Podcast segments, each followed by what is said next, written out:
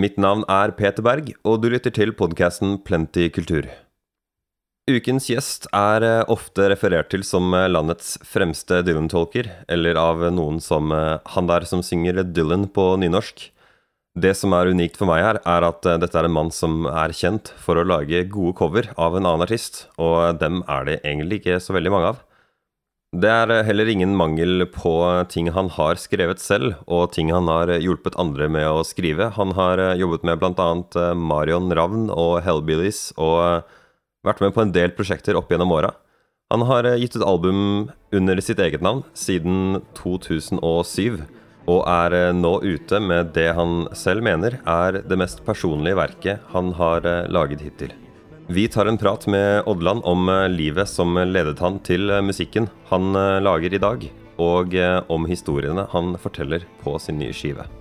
Men aller først, her får du et klipp av låta 'April i 64'. ei gåte du kan gruble og pønske og likevel bli lurt. Jeg var slegen i Tønsberg, fikk mine rivne fra meg imot eira jeg ønsker. Alle klær for den tida har spor av blod og grønske.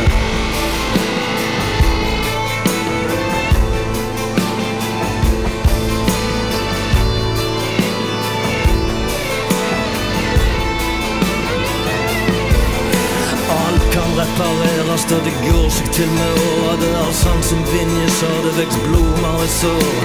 Og i gravferda til farmen ligger det fem blomster på båra. Så kom nærere, min kjære, la meg kysse bort den tåra. Hvis det er eh, en ting som er klinkende klart for meg når jeg hører på musikken fra den nye skiva di, så er det at uh, dette er en mann med levde historier. Så jeg tenkte jo vi kunne starte der. Ja. Uh, så jeg lurte på om du kunne fortelle oss litt om livet ditt, og hvordan du fant veien til uh, tilværelsen du har nå, da, som musiker? Uh, ja, det har, det har vel vært Musikk har vært veldig viktig for meg nesten så lenge jeg kan huske.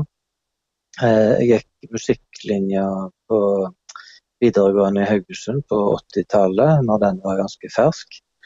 Eh, og da ble jeg egentlig bitt av klassisk gitar-basillen. Så sånn eh, ja, fem-seks år fra jeg var 16-17 til jeg var i starten av 20-årene, så var eh, klassisk gitar veldig viktig for meg. Da studerte jeg klassisk gitar ved det som het Østlandets musikkonservatorium, som senere ble slått sammen med Norges musikkhøgskole. Men egentlig i løpet av studietiden så mista jeg litt interessen for akkurat den klassiske gitaren. Det var andre ting ble, ble viktigere. Andre musikalske ting. Improvisasjon og ja, rock og jazz, ikke minst. Og, samtidsmusikk. Og etter uh, utdanningen så, så, underviste jeg i videregående i ja, forskjellige musikkfag. Gitar, arrangering, komponering, ensemblespill osv. i 15 år. Men så skrev jeg alltid musikk eh, ja, i ferier og sånn, og helger og når det var en ledig stund. Eh, og når jeg så, eh, så, det at jeg brukte alle feriene til å skrive musikk, så tenkte jeg at jeg måtte bare rydde litt plass til å få brukt mer dagtid til det. Så da tok jeg rett og slett permisjon to år fra skolen der jeg underviste. Så samla jeg sammen et band, og så dro jeg på Irland, til Irland på turné. Og så eh, kom jeg aldri tilbake som musikklærer. Når var, når var dette omtrent? Eh, dette var i 2004. Ok, Så hvor, hvor lenge var du i Irland? Nei, da reiste jeg sånn til og fra Irland i to-tre år, ikke sammenhengende. Det var en sånn viktig neste base sånn mentalt og sjelelig treffe irske musikere og irske publikum. Hva var det med Irland som eh, Jeg vet ikke om du nevnte det og jeg ikke fikk det med meg, men hvorfor akkurat Irland? Uh, ja, det kan du si. Uh, det, altså, den aller første uh, turneen jeg gjorde med egne låter, som, som da var låter på engelsk, den gjorde jeg i Sør-Afrika, der kona mi jobber i vinterhalvåret. Der snakket jeg med en musikkjournalist han sa rett og slett at du bør dra til Irland med musikken. Og av en eller annen grunn så, så tok han alvorlig. Så satte meg rett og slett ned med ja, hva det var, gule sider, adresselister og sånn, og ringte rundt og, og skrapte sammen en turné på jeg tror det var 14 konserter med trio. da, meg og bass og tromme. Eh, jeg hadde, jo, altså, hadde jo hørt en del på irsk musikk, eh, Van Morrison og sånt, men jeg hadde ikke ja, jeg hadde ikke sånn kjempeoversikt i det hele tatt. Så det var vel et eller annet med måten han altså, ja, Han sa sikkert mer enn bare det. Jeg, jeg, følte at det var et godt råd, og det viste det seg å være. For det var jo eh, ja, helt rett land for meg å starte i, vil jeg si. Ikke minst så traff jeg de rette musikerne veldig fort.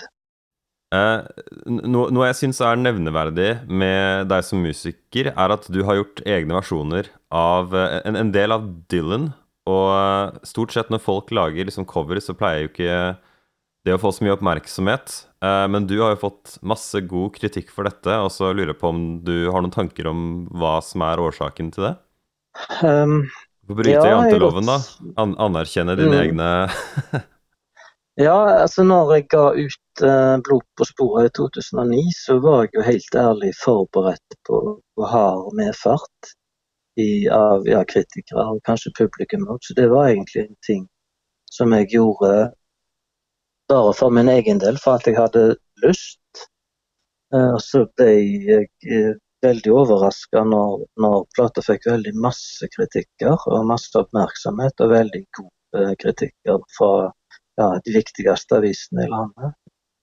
Jeg tror, uten at jeg helt kan si det mer direkte enn det, så tror jeg at jeg forstår det universet som Bob Dylan forteller om i sangene sine.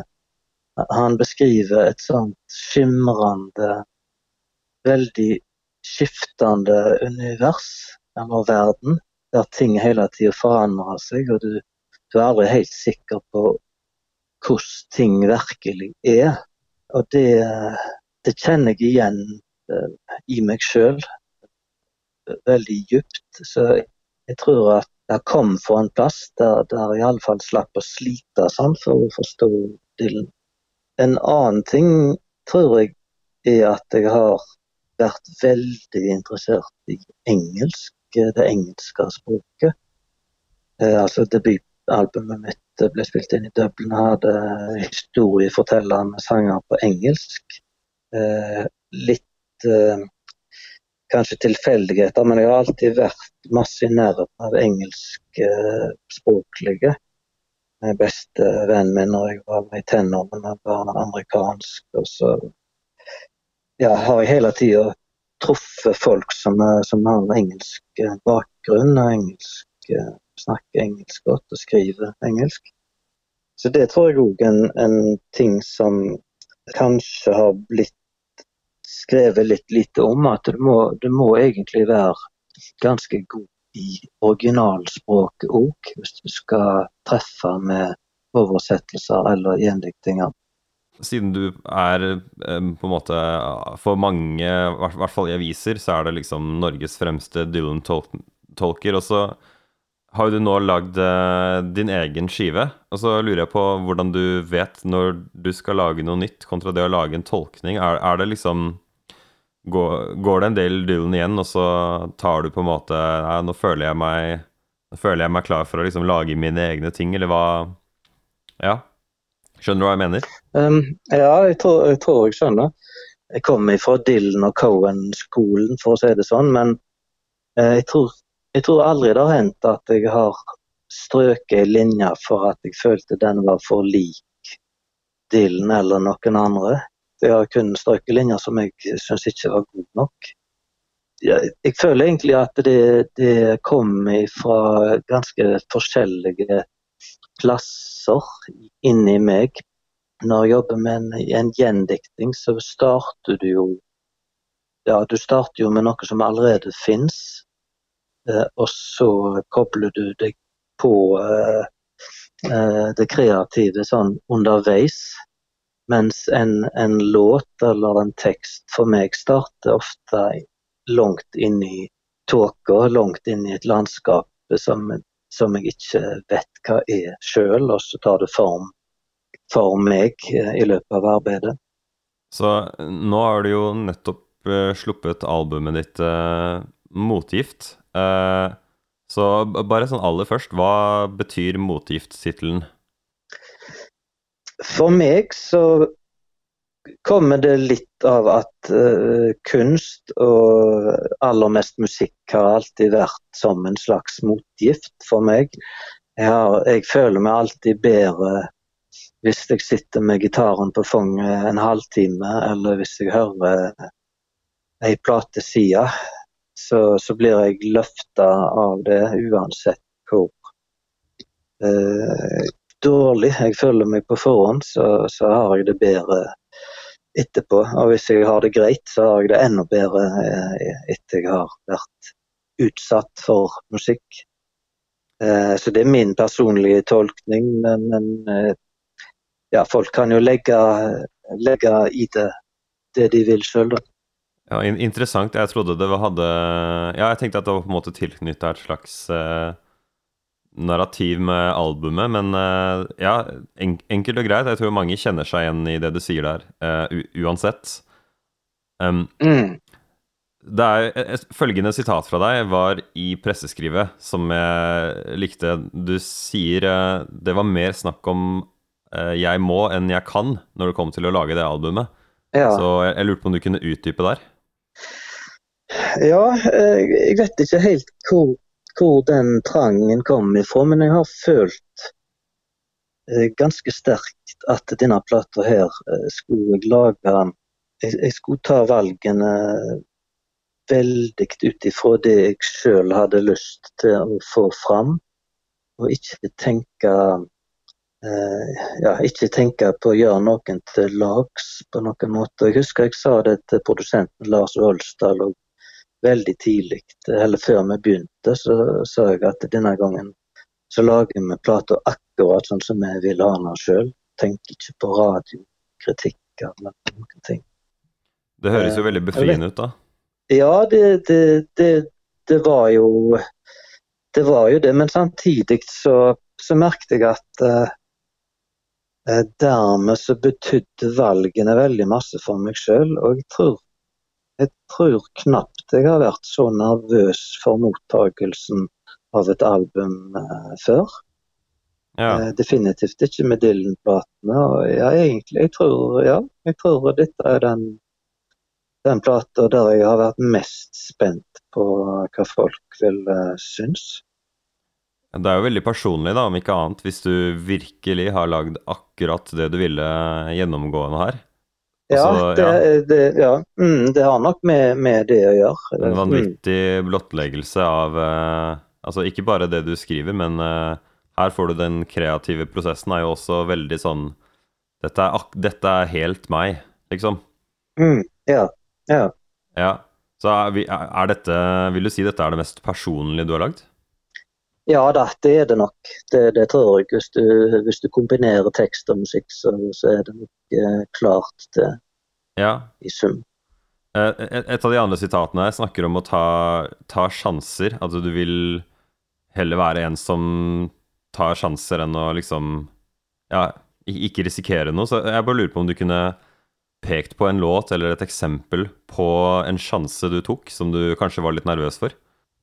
Ja, de, de tre uh, første låtene på side to, som alle har uh, sånn uh, rap-element i seg, uh, der følte jeg jo at at jeg, at jeg gir meg litt inn på en stilart som, som jeg vet at jeg egentlig ikke behersker altså på samme måte som en ekte rapper, for å si det sånn.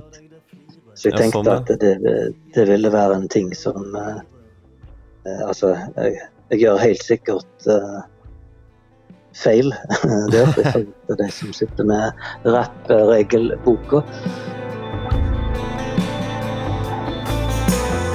Tolv år seinere, 1976, jeg har ennå ingen aning om vondskapen som veks. At for hver ei fin prinsesse fins det òg ei fæsj heks som tjener på døra di med forgifta saft og kjeks.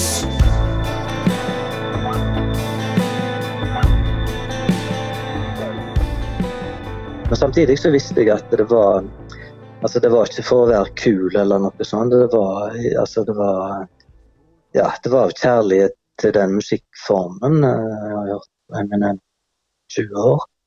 Eh, og så var det nok òg for at av en eller annen grunn så følte jeg at eh, jeg fikk fortalt andre ting når jeg, eh, når jeg tok vekk melodiene. Og så, og så ja, rimene ble tettere, og, og rytmiske ble, ble, viktigere. Eller iallfall viktig på en annen måte.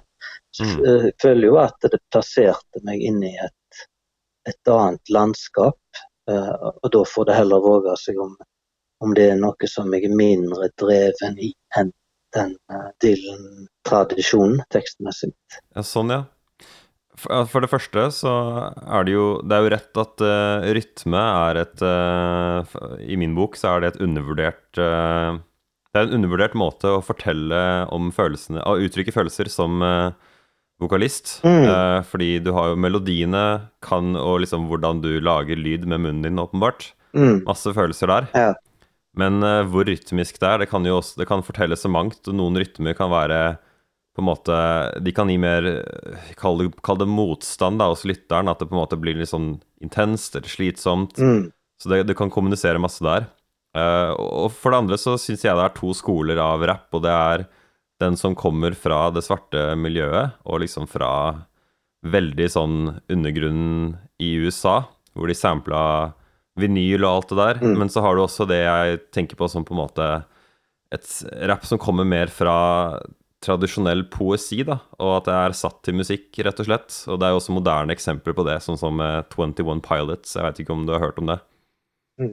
Nei, skal sjekke. Ja. Er, de har eh, mm. blitt veldig kjent for uh, veldig sånn heart on the sleeve. Eh, sånn som du gjør. Du legger liksom veldig du blottlegger veldig, veldig sånne rå følelser hvor du ikke prøver å være kul, som du sier. Det er mer et ut, måte å uttrykke seg på. Mm, mm.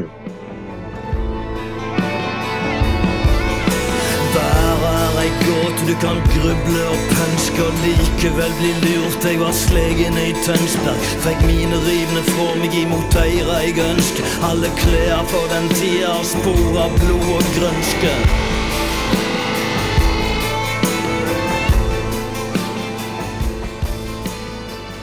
Uh, en, en, låt på uh, plata, eller den låta jeg, som jeg syns stikker seg mest ut, for min del, er uh, den som heter Før de tid. Man skjønner jo hvis man hører hele låta hva denne her handler om, men kunne du gitt lytterne en liten sånn introduksjon til hva den låta går ut på? Den handler om en, ja, en tanker som en far gjør seg i forhold til livet før og etter barn. Og så handler han òg om, om, at jeg tror alle fedre har, har liksom ting i ungdommen som, som barna ikke vet om.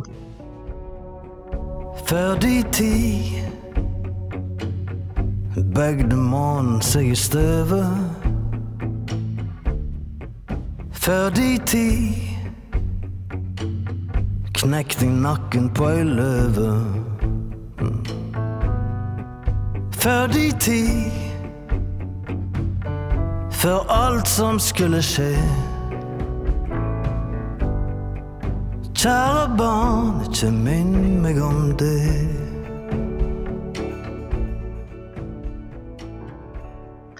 Eh, jeg husker For min egen del så ble jeg skikkelig overraska når jeg fikk vite at min far kjørte en tung Harley Davidson motorsykkel da han var ung. At han var veldig sånn kult kledd. Jeg trodde han var sånn dandy-aktig kledd. Og det var Begge de to tingene var totalt overraskende for hvordan jeg kjente han. Jeg syns jo eh, at begge tingene var ganske kult å høre òg.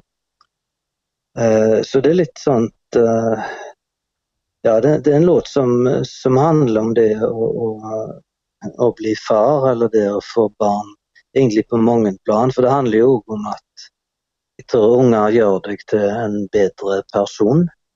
Gjør deg eh, mer ansvarlig, men så handler det òg litt om å kanskje du ikke trenger bli så ansvarlig at du blir kjedelig fordi du blir far.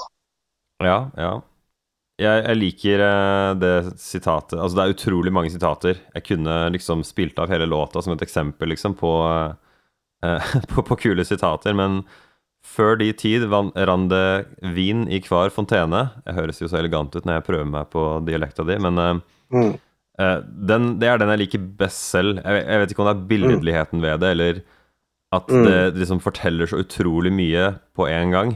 Um, men ha, har du noe Har du et sitat der du er eh, kanskje litt ekstra fornøyd med, eller som betyr mye for deg? Eh, I den sangen der Ja, altså, det er jo Det er jo det, eh, eh, jeg, synger jo et sted eh, Før de ti eh, kjørte jeg 40 mil uten belte. Jeg tror nok aldri jeg har kjørt, kjørt 40 mil uten bilbelte, men jeg husker veldig godt når jeg ble far første gangen. Så husker jeg nesten når jeg satte meg inn i bilen og liksom klikka på bilbeltet og tenkte at ja, nå er det nye, nå er det en annen tid. Nå eh, er det slutt på å ta sjanser.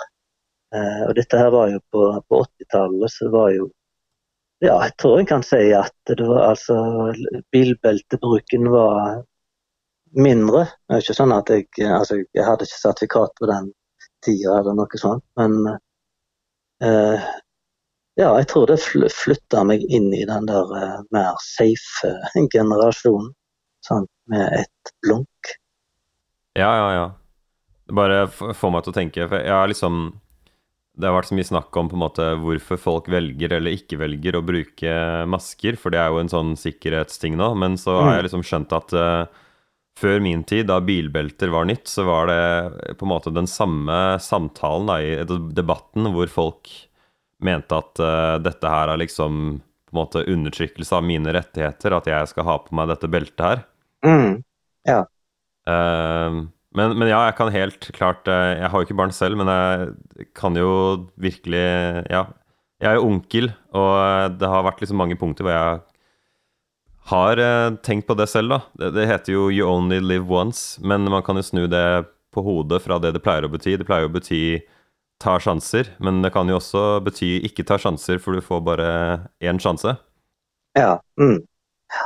Ja da, og det, det jo Ja, det, jo, det henger jo i hop. Det blir jo det samme Det blir jo det samme valget. Det er jo mange måter å kaste vekk livet på, for å si det sånn. Altså, du kan være så eh, så liksom selvdestruktiv at du gjør det på den måten, men du kan jo kaste vekk livet ved at du er så nevrotisk og overforsiktig at du egentlig aldri får et liv.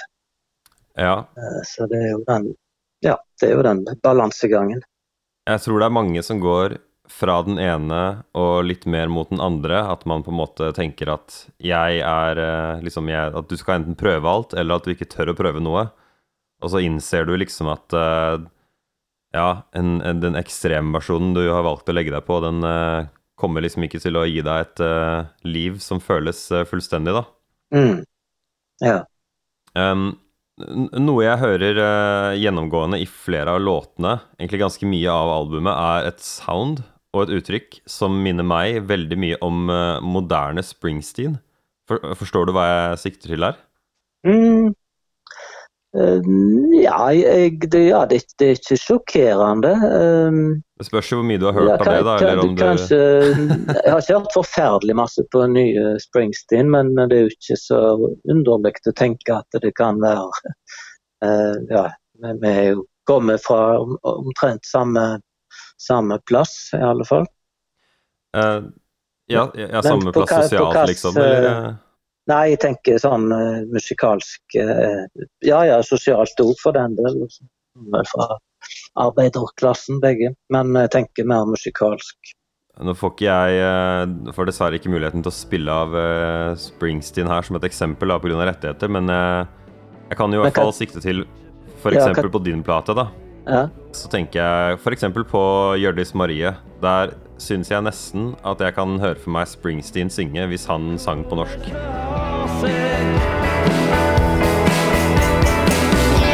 Tenk at vi har skipbåtene på samme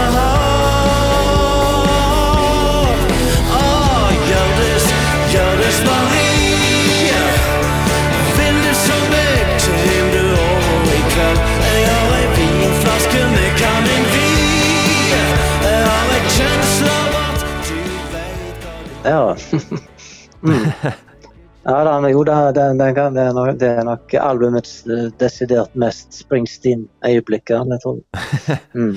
ja, nei, jeg var litt sånn Fordi jeg skulle si det med en gang jeg også hørte åpningssporet, så fikk jeg en sånn wow, dette føles som moderne Springsteen, og så måtte jeg liksom dobbeltsjekke bare er jeg helt på villspor her, liksom. Jeg tror ikke jeg har lest noen eh, Det er skrevet veldig mange anmeldelser av deg, så jeg har jo ikke gått gjennom alt sammen, men jeg tror ikke jeg ser folk nevne det, men for meg var det liksom påfallende, mm. så jeg måtte gå og dobbeltsjekke ja. Litt sånn ting fra senere tid. Og det er Han har eh, Ja, det er et eller annet med den rockesjangeren og mm, den samme på en Man får jo en litt mer sånn emosjonell, raspy stemme med åra, som han også har.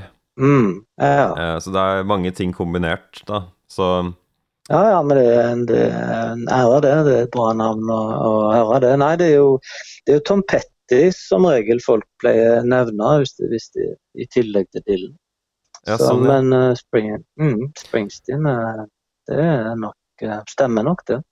det er kanskje også det at man som regel tenker på Hvis de snakker om Tom Petty eller Dylan, så tenker man ikke på de siste utgivelsene. og det er mm. ikke sikkert at folk følger med på hva Springsteen gjør i nyere tid. men av en eller annen grunn så ja, jeg liker alltid å se hva liksom de store heltene gjør senere, da. Mm. Men, men, men, uansett, uh, litt sånn generelt, da, som Hvis jeg på en måte tar et sånt uh, fugleperspektiv på låtene dine, så mm. har du jo selv om, det, selv om, du sier dette her er noe av det mest personlige du har gjort, så syns jeg på en måte alltid at jeg kan Hvis du går gjennom katalogen din, at du hører at du blottlegger følelser på en måte jeg syns er, er, veldig direkte. Og så mm. lurer jeg liksom på, da jeg ser for meg at det er deg, så lurer jeg liksom på om du tenker Kan jeg egentlig, eller vil jeg egentlig si dette her så rett ut i en låt, liksom? Hvordan, ja, Tar du stilling mm. til det? Um, jeg tenker Jeg tenker litt at ting ikke skal komme i veien for uh, uh, kunsten. Altså, jeg tenker jeg skal, det skal forferdelig masse til at jeg ikke bruker ei linje hvis jeg syns linja er god. Altså er god som linje i en låt. Mm. Eh, jeg tenker egentlig at sangen Ja, jeg tenker at sangen er det viktigste. Eh, og det tenker jeg når jeg gjendikter Dylan. Jeg føler at, at, sangen er det som er aller viktigste. Og, og alle, alle, oss andre er mindre viktige, altså inkludert meg sjøl. Så eh, du har ikke mm, du har ikke noensinne følt at du på en måte tok ei kule for å få låta bra? Da, at du sa noe litt sånn Ja ja, da får jeg vel si det, da, for det ble så bra? Um, Eller går det deg Nei, nei du tenker ikke på det, liksom? Nei? Altså, jeg, tenker, altså, jeg tenker jo at Jeg tenker jo at sangteksten, eller teksten, er sitt eget miljø. Og jeg pleier, jeg pleier å si at uh, altså, forholdet mellom en, en, forfatter, en tekstforfatter, og, og, det han skriver, er jo Det er aldri 0 selvbiografisk, og det er aldri 100% selvbiografisk.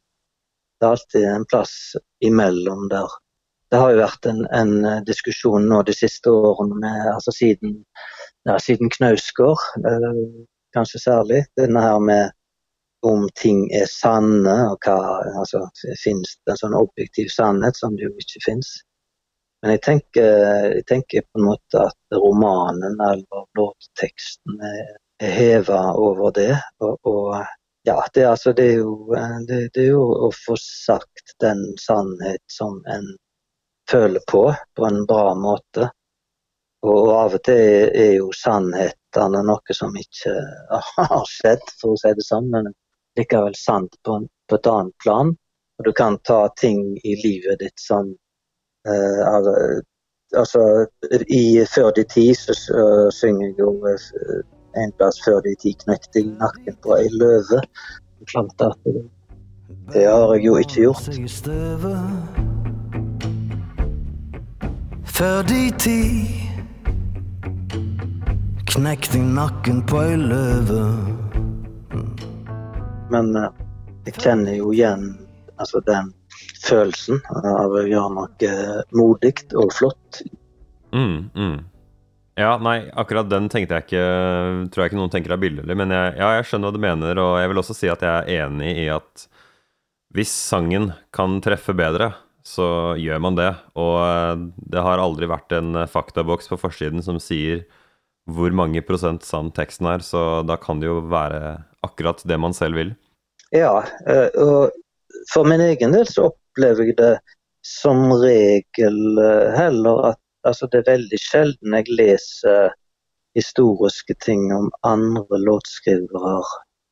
Eh, Johnny Mitchell eller hvem som helst, som, der jeg finne ut ting som gjør at jeg får en bedre lytte- og leseopplevelse, heller motsatt.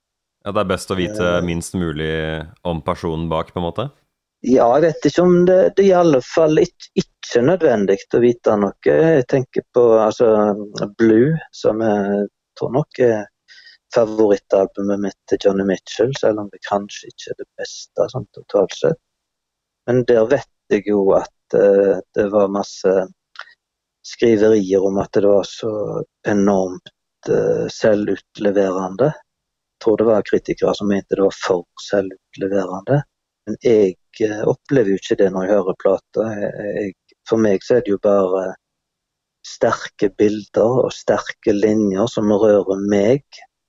Uh, jeg har jo ikke en opplevelse av at jeg kommer under huden på Johnny Mitchell som person. Nei, ok, nei. Um, sånn avslutningsvis, uh, siden du følte at du i gåseøynene måtte lage dette albumet, har du flere ting igjen? Har du en bucketlist med flere ting som du tenker at du må gjøre? Mm, kanskje ikke må, men én ting som jeg kunne ha veldig lyst til å gjøre, det er å lage et album der jeg eh, detaljkomponerer og arrangerer mer sjøl. Det er jo et element som jeg, som jeg eh, ikke tar ut så masse i platene mine, for jeg har så masse flotte musikere med meg at, at de bidrar veldig masse. Men vi har jo lagt stryker, stryke- og orkesterarrangement for andre artister. Og har jo den klassiske eh, bakgrunnen. Så jeg kunne nok ha lyst til å lage et album der det f.eks stryk- og blåsearrangementer som, som, eh, som, jeg har hatt mer detaljkontroll på. Det tenker jeg vel er eh, sånne ting som står på den lista. Men så vil jeg jo merke når jeg går i gang med om, om, om det er lurt å gjøre det. det jo, ja, av og til så er det jo eh, lurt å ikke ha all kontroll sjøl òg. Ja, det er jo ofte derfor band funker så bra, tenker jeg da. Eller det, ja, det mm. finnes mange bra band. Og jeg ja. har jo blitt tidvis skuffet over soloprosjekter fra enkeltfolk. For da hører jeg på en måte hva de, hva de andre medlemmene brakte til bordet, da. Ja, ja det, er helt sant. Men du, tusen eh, hjertelig takk for tiden din. Det har vært uh, veldig spennende. Ja, likeså. Veldig trivelig. Vi gjør denne podkasten hver uke, og du må veldig gjerne abonnere på oss. Du finner oss der det er du finner podcaster, f.eks. i Apple Podcasts eller på Spotify. Du søker på Plenty Kultur. PLNTY Kultur. Vi setter også pris på det dersom du har mulighet til å rate oss i appen du bruker.